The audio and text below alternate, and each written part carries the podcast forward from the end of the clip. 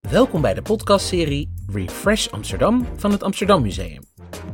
Deze aflevering staat in het teken van het Refresh Amsterdam Symposium, dat plaatsvond op vrijdag 12 februari in Felix Meritus in Amsterdam. In het symposium brachten we makers en culturele instellingen samen om het kunstklimaat van de stad kritisch onder de loep te nemen. Deze derde aflevering staat in het teken van machtsstructuren in de culturele sector. Hoeveel ruimte is er voor institutionele kritiek, zowel binnenin als van buiten de instituten? Wat gaat er goed in de verhouding tussen instituut en maker en waar zitten de punten die drastische verandering behoeven?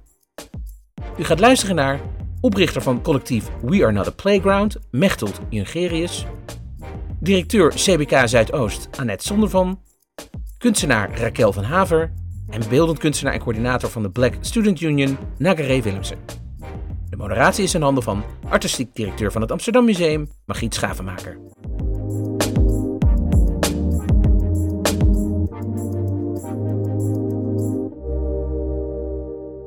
Welkom terug uh, bij het derde panel van vandaag. En dat gaat over makers en machtsstructuren. Um, ja, dat is een, een, een, thema waar ik naar uit heb gekeken. Want uh, door middel van verschillende codes en criteria wordt er binnen de culturele sector op dit moment hard gewerkt aan nou ja, gelijkere betaling, transparantie, accountability. En hoewel er van binnenuit lijkt te worden gewerkt dus aan het inclusiever maken en het gelijkwaardiger maken, zien we toch regelmatig nog voorbeelden die op wijzen dat deze doelstellingen eigenlijk nog helemaal niet gehaald worden. En uh, racisme, seksisme. Nou, ik werk zelf ook één dag in de week um, als hoogleraar aan de UVA. Vorige week een hele week van protesten uh, vanwege drie uh, MeToo-gevallen. Soms lijkt het alsof de machtsstructuren en netwerken zo vreselijk moeilijk te veranderen zijn. En buiten de kaders van de instituten wordt dus vanuit verschillende initiatieven dat ook bevraagd, bekritiseerd. Hoeveel ruimte is er eigenlijk voor kritiek, institutionele kritiek? Zowel van binnen de instituten als van buiten. En wat gaat er dus goed tussen die makers en de instituten, maar ook wat, gaat er, wat kan er echt nog wel beter? Ja, ik heb zelf heel erg uitgekeken naar dit panel. Ik ben ooit gepromoveerd op, uh, op uh, kunst, conceptuele kunst uit de jaren 60.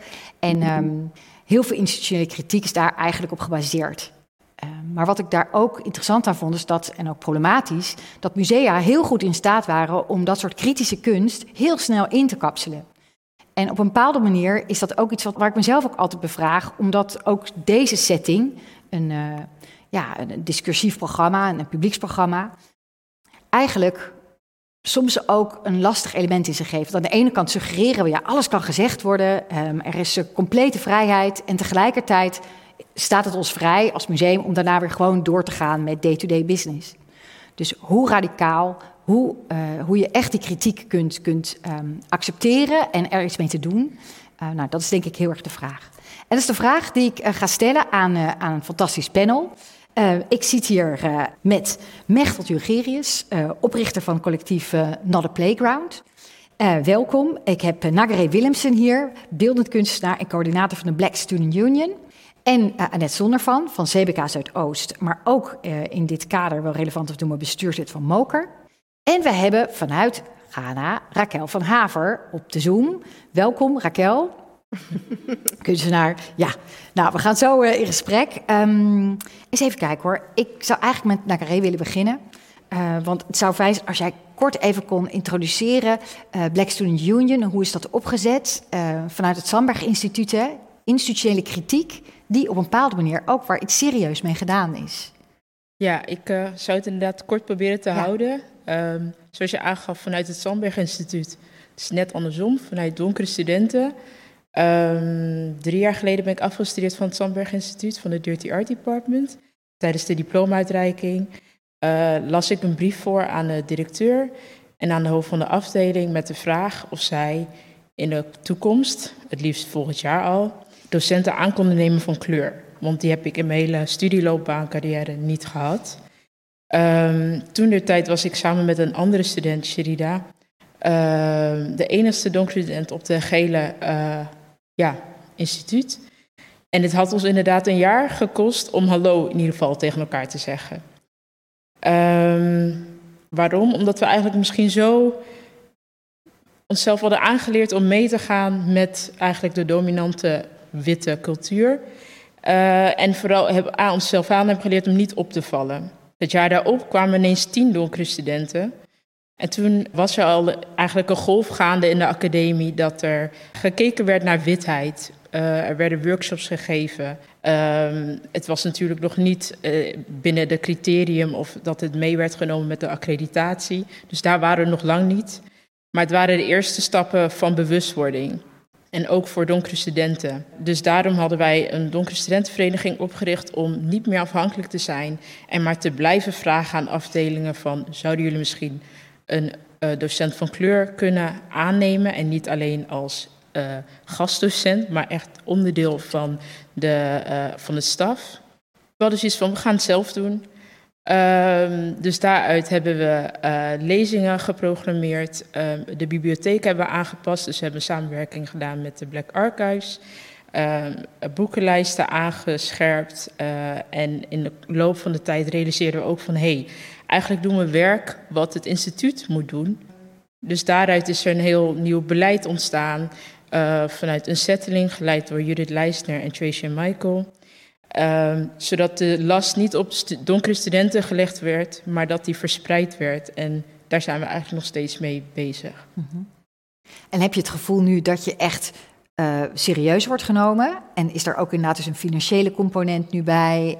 Nou, je gaf eerder aan in de jaren zestig dat musea's uh, eigenlijk die kritiek inkapselde en meenam. Dat had ik dus ook eigenlijk letterlijk zelf ervaren op het moment toen ik dus die brief presenteerde, dacht ik van oké, okay, als het heel erg misgaat, ben ik kunstenaar, kom ik ermee weg.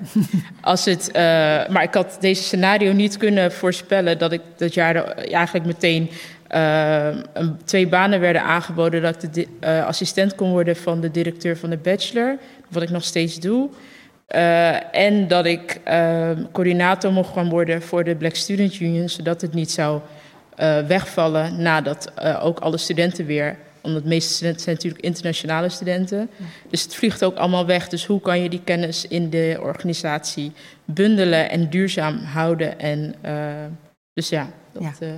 Maar nou ja, dus nog ruimte voor verbetering. Maar, Zeker, ja, ja. ja. Duidelijk. Mechtot, uh, This is not a playground. Um, hoe, of not a playground. Um, dat is recent opgestart, hè, afgelopen december. Kun je iets meer vertellen? Want jullie uh, ja. gebruiken ook social media. Stevige kritiek op, uh, op de institutionele wereld rondom de kunsten. Klopt. Vertel. Um, eigenlijk was het zo dat vier maanden geleden, geloof ik... Uh, dat was twee weken na het afstuderen van mij en Rachel aan de Design Academy... Um, kwamen we een kunstwerk tegen op social media... waarbij portretten van vrouwen kapot werden gescheurd door skateboards. Toen was het eigenlijk, weet je, we hebben twee weken ons diploma... en we hebben al twee jaar lang dit soort werk gezien, we zijn er klaar mee. Wat jij ook zei, uh, we doen het zelf wel. Uh, dus toen hebben we zelf eigenlijk de handen uit de mouwen gestoken en kritiek gevoerd. Uh, we hebben protest gevoerd, dat is geëscaleerd. het heeft stevig de, de media gehaald, hè? Ja, dat ging de wereld rond. Vier dagen later was inderdaad dat werk verwijderd.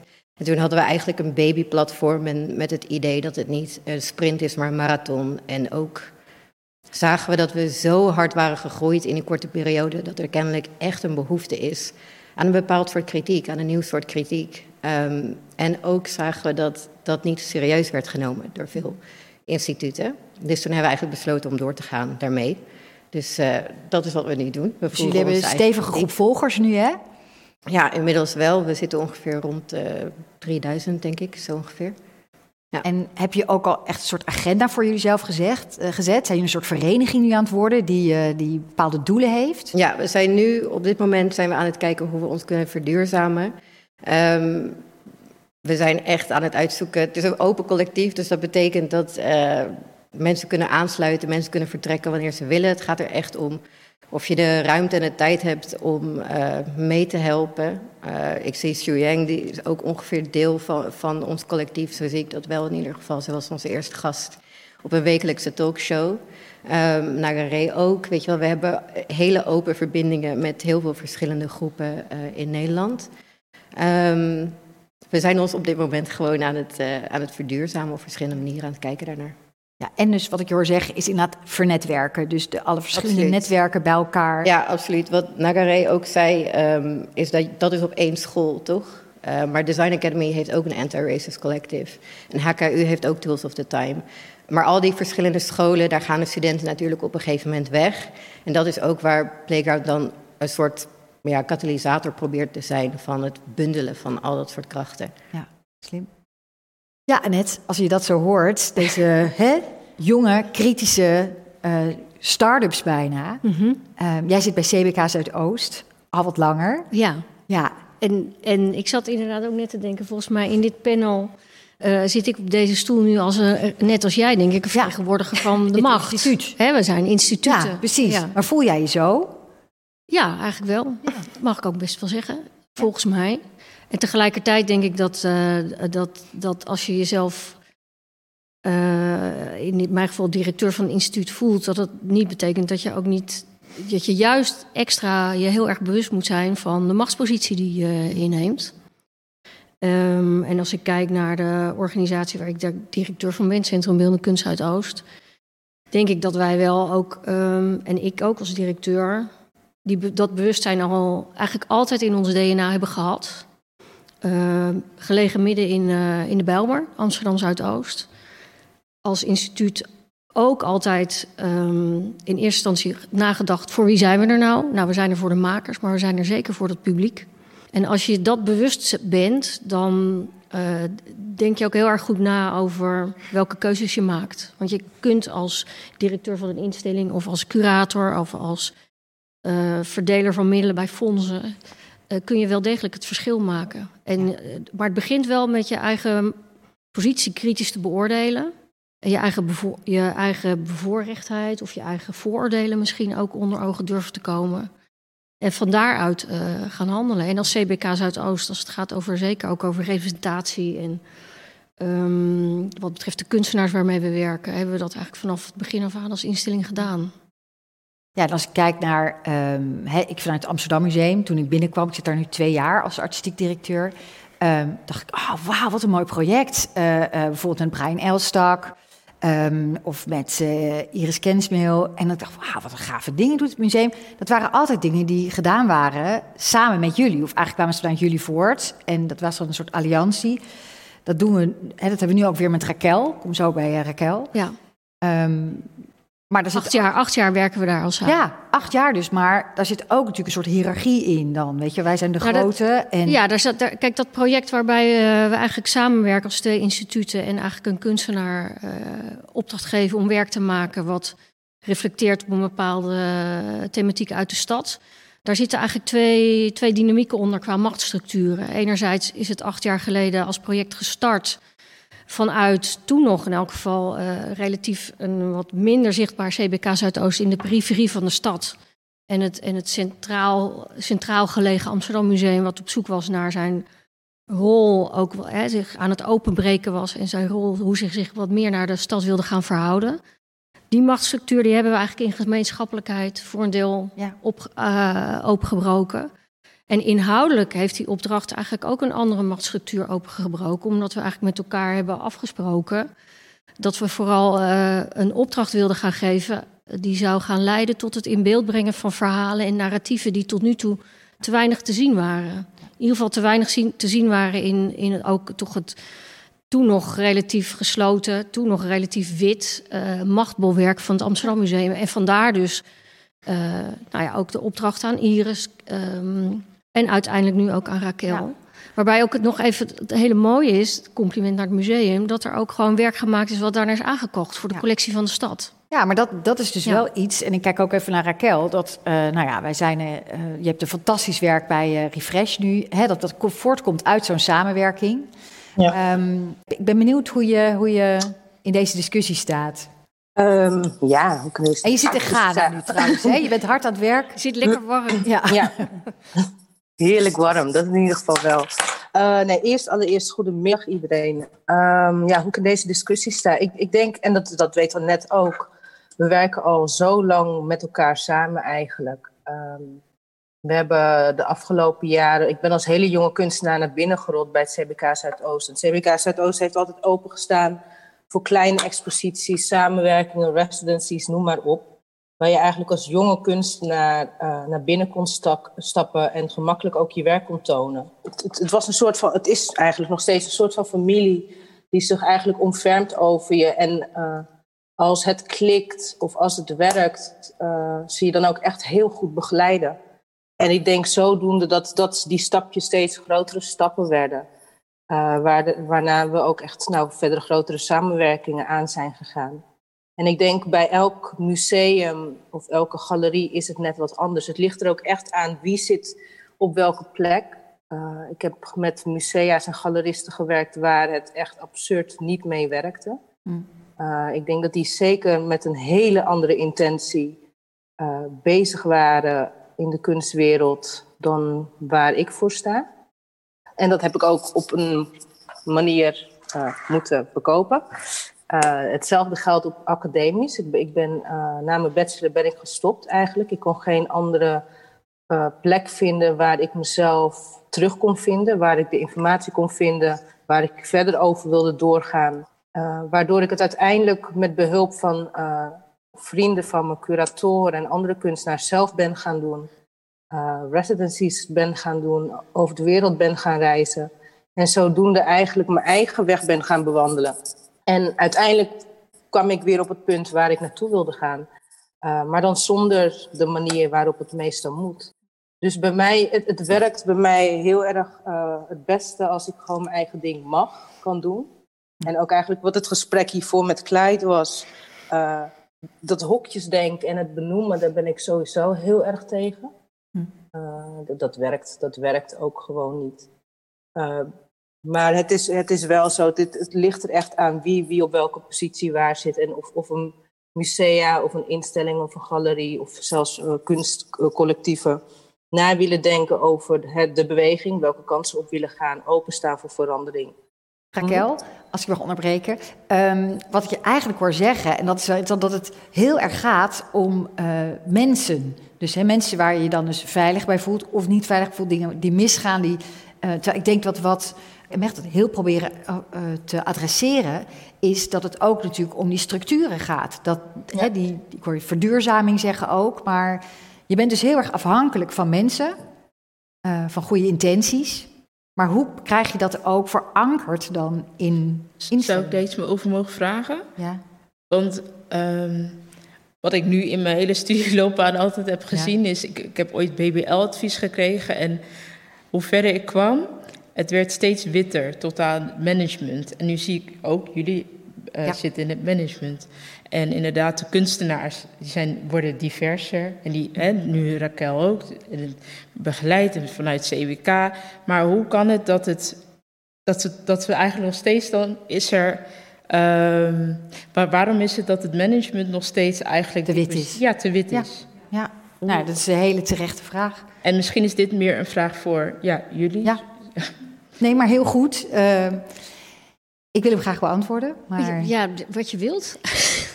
nou ja, ik, uh, het, is een heel, het is een pijnlijk punt, absoluut. En um, wat we nu zien natuurlijk is dat die hele die code diversiteit hè, die dan gaat, die gaat om de vier P's. Hè, personeel, programma, uh, partners um, en publiek. Maar dat personeel, Um, dat is een mega probleem inderdaad, want we zitten inderdaad vaak met een hele uh, homogene groep. En zeker inderdaad, als je dan kijkt naar nou, ook beveiligers of zo, of dingen, oh nou, dat is best nog wel cultureel divers. En hoe hoger je komt inderdaad, is het een witte top. Nou, wij bij het Amsterdam Museum zijn ons daar wel echt heel erg van bewust. En uh, we hebben uh, in het managementteam dus nou, twee vrouwelijke directeuren, maar witte vrouwen inderdaad. Maurice zit nu in het managementteam als de eerste man van kleur die erbij zit. Ja, dat is nog niet voldoende. Uh, zometeen in het volgende panel zit Imara Limon, uh, een van onze curatoren. Dat is de enige curator van kleur uh, op dit moment. We hadden wel gelukkig een paar junior curatoren, curatoren nu bij zijn gekomen van kleur. Dat betekent dus dat we voor, ja, dat ik, ik in ieder geval me altijd afvraag: oké, hoe kunnen we nu plaatsmaken bij de verschillende projecten die we doen? Mm. We zijn nu met een groot project bezig over, over de Gouden Koets bijvoorbeeld. Ja, dan denk je meteen: oké. Okay, hoe gaan we dit doen? En dan ga je dus toch van met een groter team zitten, waar, waarin een aantal gastcuratoren, vaak jonge vrouwen, maar hoe ga je dat dan weer verduurzamen? Ja.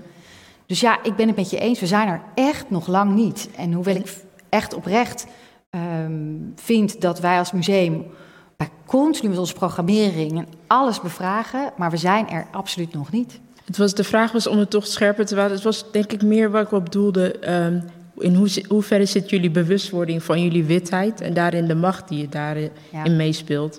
En ik denk inderdaad ook dat het gaat over representatie op het moment dus dat deze twee stoelen um, ja, bezedeld zijn met andere lichamen van andere kleuren en alle intersectionele mogelijkheden daarin. Krijg je andere perspectieven. Krijg je andere perspectieven. En uh, dan is het ook een kunstacademie voor uh, ja, mensen met een andere kleur of andere achtergrond.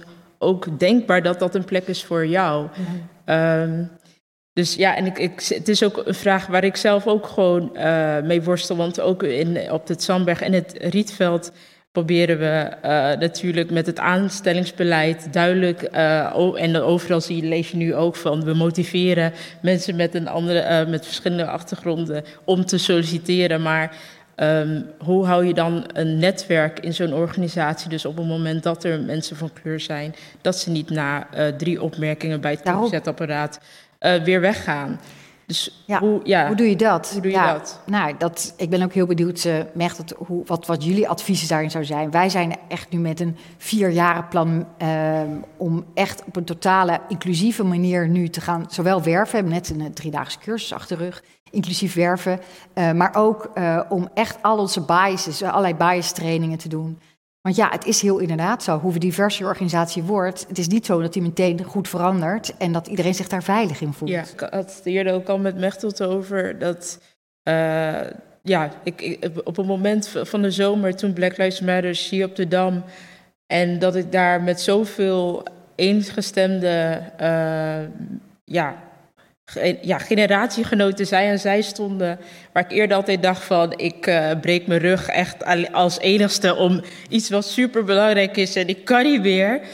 Dat je dan eindelijk ineens zoveel erkenning en troost ineens bij elkaar kan vinden. En uh, ik ben ook super dankbaar dat ik nu in deze tijd leef met social media. En dat ik mee kan varen op de golven, bijna tsunamis af en toe.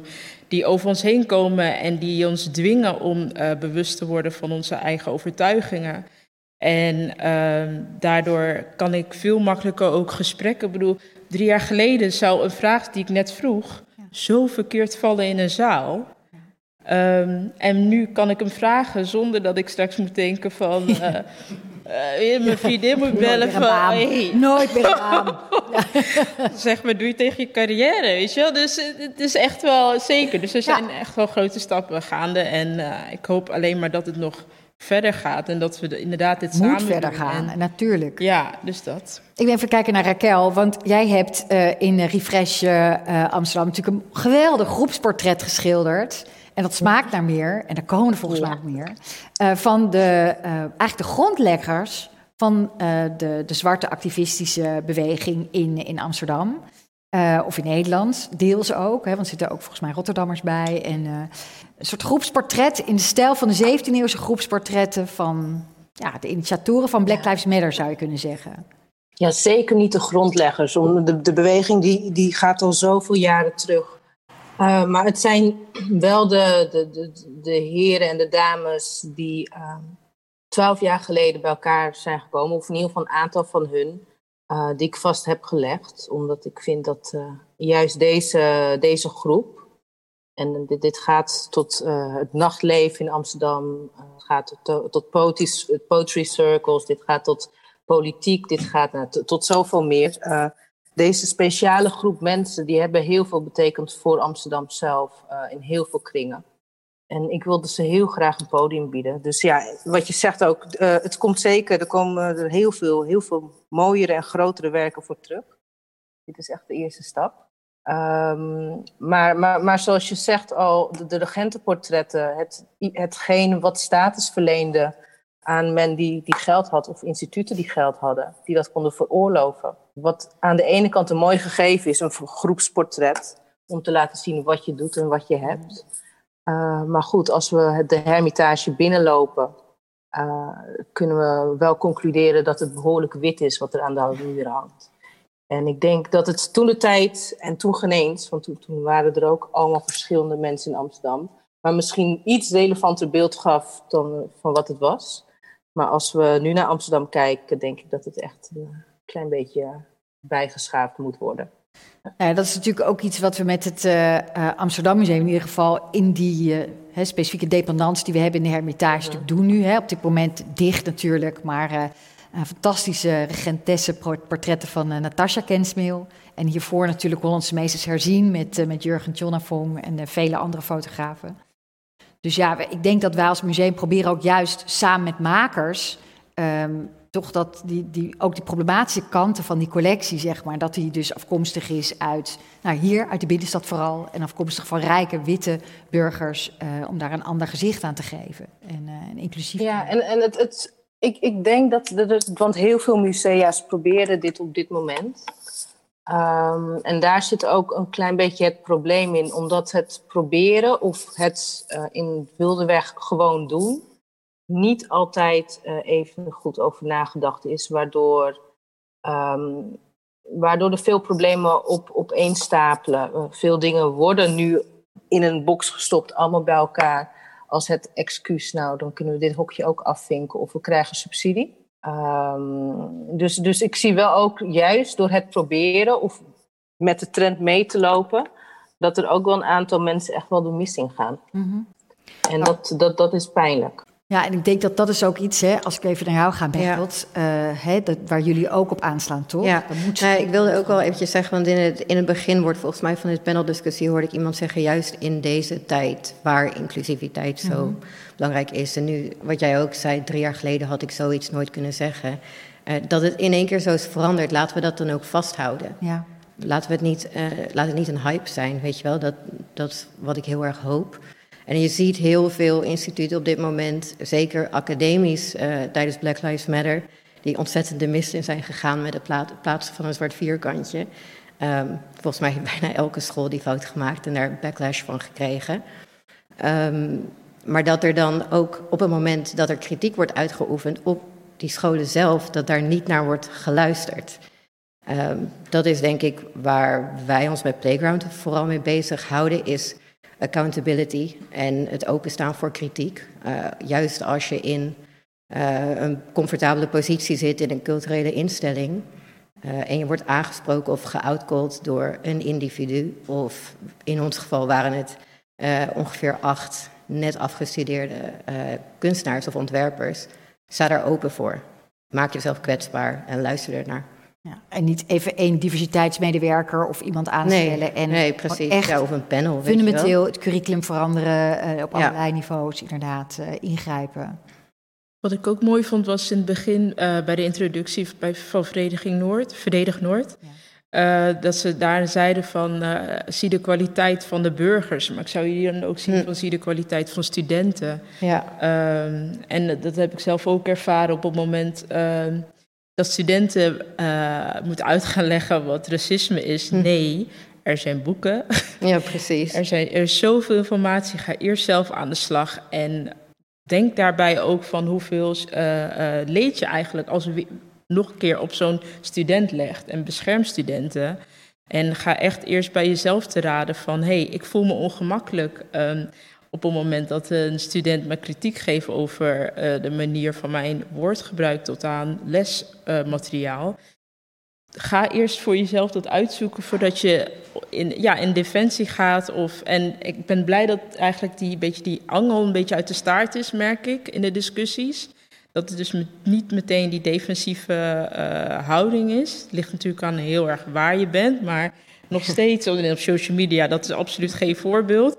Maar ik merk gewoon, uh, in de academie is er echt wel meer ruimte en erkenning, in ieder geval om naar elkaar te luisteren. Mm -hmm. En ik hoop dat we dat echt kunnen vasthouden om hierin uh, verder vorm te geven aan duurzame vormen. Ja. We gaan zo langzamerhand naar het, het, het einde van dit panel. En ik probeer de hele tijd ook iets nou, echt concreet inderdaad. Jij had net al een appel op mij waar ik even over moest nadenken. Van ja, je moet echt veranderen. Want het, het, moet echt een reëel iets zijn. En niet alleen maar ons hier neerzetten en dan weer leuk uh, verder weg. Wat is jouw, um, of vanuit jullie uh, organisatie? Um, ik denk dat meten is weten en, en dat meten van de Gorilla Girls, dat is allemaal, uh, denk ik, heel belangrijk en heel goed. alleen laten we ook weten dat dat de oppervlakte is.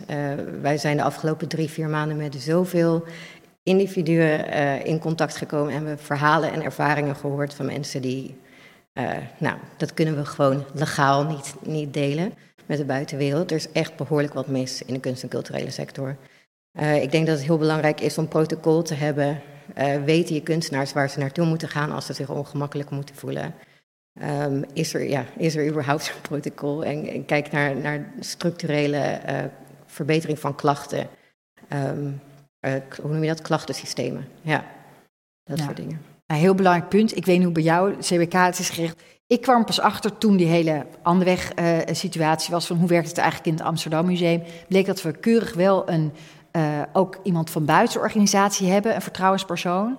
Maar ik als artistiek directeur wist het al niet eens. Dus hoe laat staan een kunstenaar waarmee wij werken. Mm -hmm. Dus nu hebben wij het protocol aangepast. Dat, en dat gaat dan voor de refreshgroep nog niet gebeurd. Maar voor de nieuwe groep die nu mm. met de nieuwe tentoonstelling bezig gaat, krijg je inderdaad voor als je hè, een klacht hebt over of je ja. onveilig, kun je naar iemand buiten ja. de organisatie. Maar, maar dat zijn inderdaad echt dingen die gewoon nog enorm aandacht vergen. Ja, maar het belangrijkste is denk ik nog wel, ja, ons punt is vooral kritiek, het kritiek voeren in de kunst- en cultuursector. Dat het niet uit zou maken, moeten maken wie kritiek geeft of in wat voor vorm, op, op wat voor toon.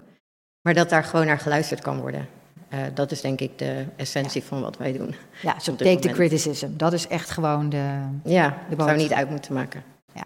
En jij? Eigenlijk sluit me geheel aan.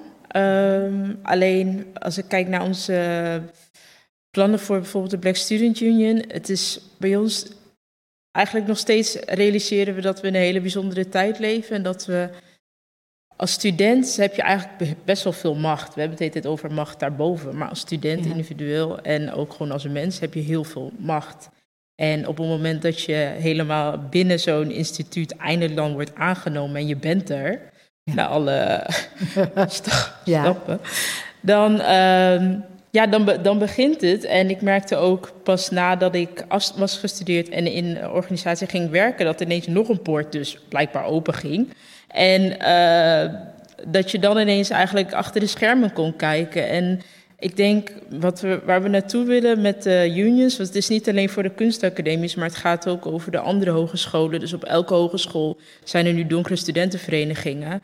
Dat als je dan daarna kijkt van wie gaan deze stoelen innemen, dat we daar klaar zijn. Dat we dan elkaar hebben gevonden. Dat we uh, en samen gaan komen. Dus niet meer individueel en apart en we passen ons aan en we gaan helemaal onszelf vormen naar de norm. Maar nee, dat je met elkaar gaat connecten en uh, dat je de kwaliteit uit elkaar gaat halen. En daardoor uiteindelijk hele kwalitatieve, een hele bijzondere generatie staat er gewoon straks voor de deur. Dus ja, dat, dat daar kijk, verheug ik me heel erg op. En ik hoop ook dat iedereen dat uh, eigenlijk dat goud als het ware, als het die binnenkomt in kunstenaars, maar ook in nieuw personeel, dat ze die kwaliteit zien en daar ook vooral in je personeel gaat investeren. Dus investeer niet alleen in alles wat er buiten zit, maar investeer ook gewoon meteen met hetgene wat je hebt. En wat diegene dan ook uh, heeft. Dus ik sluit me eigenlijk gewoon weer helemaal terug aan de woorden die helemaal in me zijn gegaan. En dat is van zie de kwaliteit in de burger, zie de kwaliteit in studenten, zie de kwaliteit in mensen. Mooi. Maar ook neem de macht, hoor ik jou zeggen. Ja, hè? En ja, en, ja. En, en, ja, ja, neem, ja, neem de macht en uh, ja, bloei. Ja. Raquel, als je dit zo hoort, wat zou jij nog de, de, de machthebbers willen meegeven? Ja. ja, je krijgt altijd maar een klein beetje tijd, hè? En daarna komt de volgende weer. dus nee, um, ja, dat, dat sowieso. Maar um, kijk, ik, ik, ben, ik, ben, ik zit in Ghana voor, een project, maar ook omdat we met een, een groep kunstenaars over de hele wereld uh, uh, al een lange tijd in contact staan. Een aantal hebben in Nederland gestudeerd, een aantal. Nou, iedereen is verspreid. En kijk, ik zit nu op een plek waar kunstenaars niet zo vrij kunnen spreken zoals we nu in dit gesprek doen. Uh, niemand steunt hun, dus geen overheid, geen, geen fondsen waar ze naartoe kunnen gaan. Ze moeten allemaal alles met zichzelf doen en ondertussen gebruiken de galeristen ze om snel geld te maken. Dus dit is echt een verademing om, om jullie nu aan te horen hierover. Uh, wat we nu wel proberen, te doen met al deze kunstenaars is om een um, globaal collectief te vormen. Juist uh, omdat we op zoveel verschillende plekken verschillende verhalen horen. En wij vinden dat we juist met onze kennis een, een, een platform kunnen gaan bieden en kunnen gaan maken. Waardoor we juist deze, de, deze problematiek aan de kant kunnen gaan schuiven. En niet omdat we uh, helemaal tegen instellingen zijn. Maar wij vinden ook, omdat wij zoveel kennis hebben, dat, uh, dat er uiteindelijk een. Um, dat we dat zelf nu ook kunnen gaan doen. En ik denk dat uh, juist omdat er een nieuwe soort, een soort van vorm van uh, kennis bij deze kunstenaars is, een soort van nieuwe dynamiek, uh, de, de, verandering sneller kan komen. En dat betekent dat we in educatie nadenken, in het aankopen van grond, in het neerzetten van exposities, in het archiveren van werk. Uh, wat uh, is de functie van een museum? Wat is de functie van een galerist? Enzovoort. Uh, en overal op de, over de hele wereld zie je deze collectieven van andere kunstenaars ook oppoppen. Van museumdirecteuren tot, tot aan curatoren. Iedereen denkt over deze dingen na. Dus het is, het is geen omkeer. We kunnen, kunnen niet meer terug. Um, en ik denk dat het over een aantal jaar steeds beter en sterker wordt. Dus dat is mooi. Nou, dankjewel. En ik, mooi ook die vergelijking heftig ook, maar ook goed om te zien hoe je eigenlijk schetst dat we dat dat systeem, dat het inderdaad echt een ecosysteem is, dat je elkaar dus heel erg nodig hebt en dat het hele systeem dus moet aanpakken. Ik wil je ongelooflijk bedanken voor uh, de openhartige en kritische noten die er gekraakt zijn. En uh, een groot applaus voor deze sprekers. Raquel. Dank ook Raquel. Veel succes.